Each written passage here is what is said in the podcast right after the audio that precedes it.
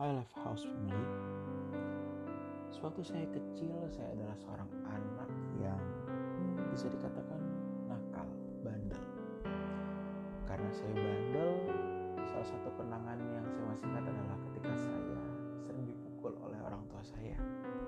Entah saya berantem di sekolah, saya mengatai kakek saya di rumah, nilai saya jelek, saya kasus di sekolah sampai orang tua saya dipanggil. Berbagai macam kenakalan saya lakukan dan hal itu membuat saya sering dipukul oleh orang tua saya. Saya ingat waktu malam-malam saya dipukul, saya ditarik keluar, diancam untuk tidur di luar rumah. Saya takut banget waktu itu. Tapi karena memang saya bandel.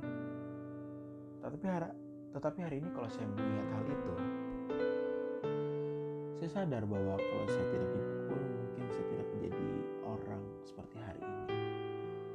dalam setiap pukulan itu terdapat didikan untuk dapat uh, mengubah saya, mendidik saya menjadi seorang pria yang lebih baik.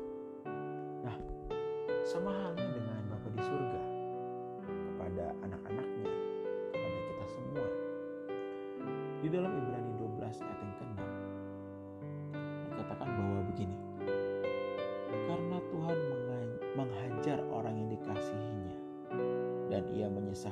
orang yang diakuinya sebagai anak.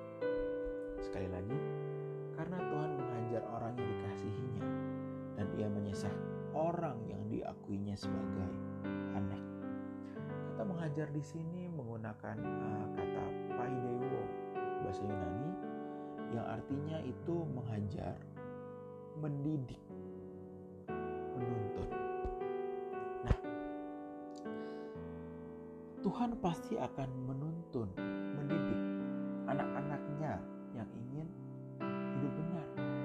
Tuhan pasti akan menuntun anak-anaknya yang mau mencari kehendak Dia.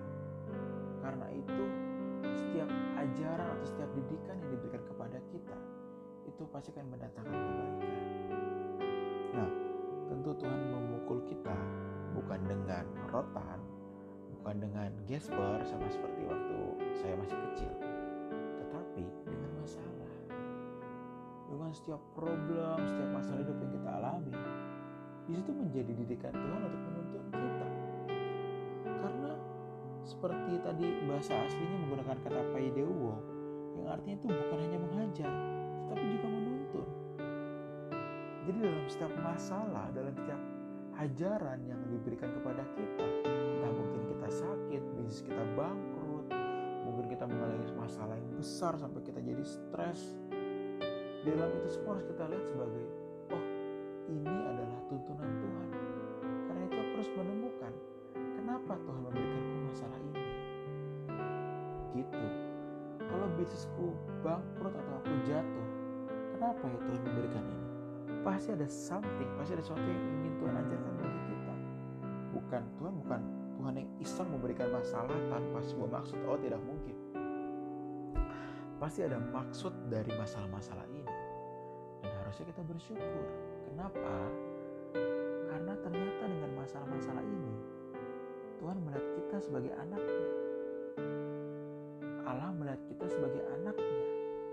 Dan Allah mau mendidik kita agar kita semakin dewasa, agar kita semakin hidup dalam kehendak Dia.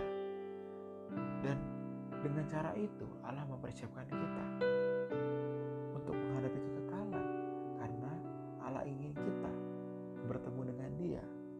saat kita semakin dewasa, semakin matang.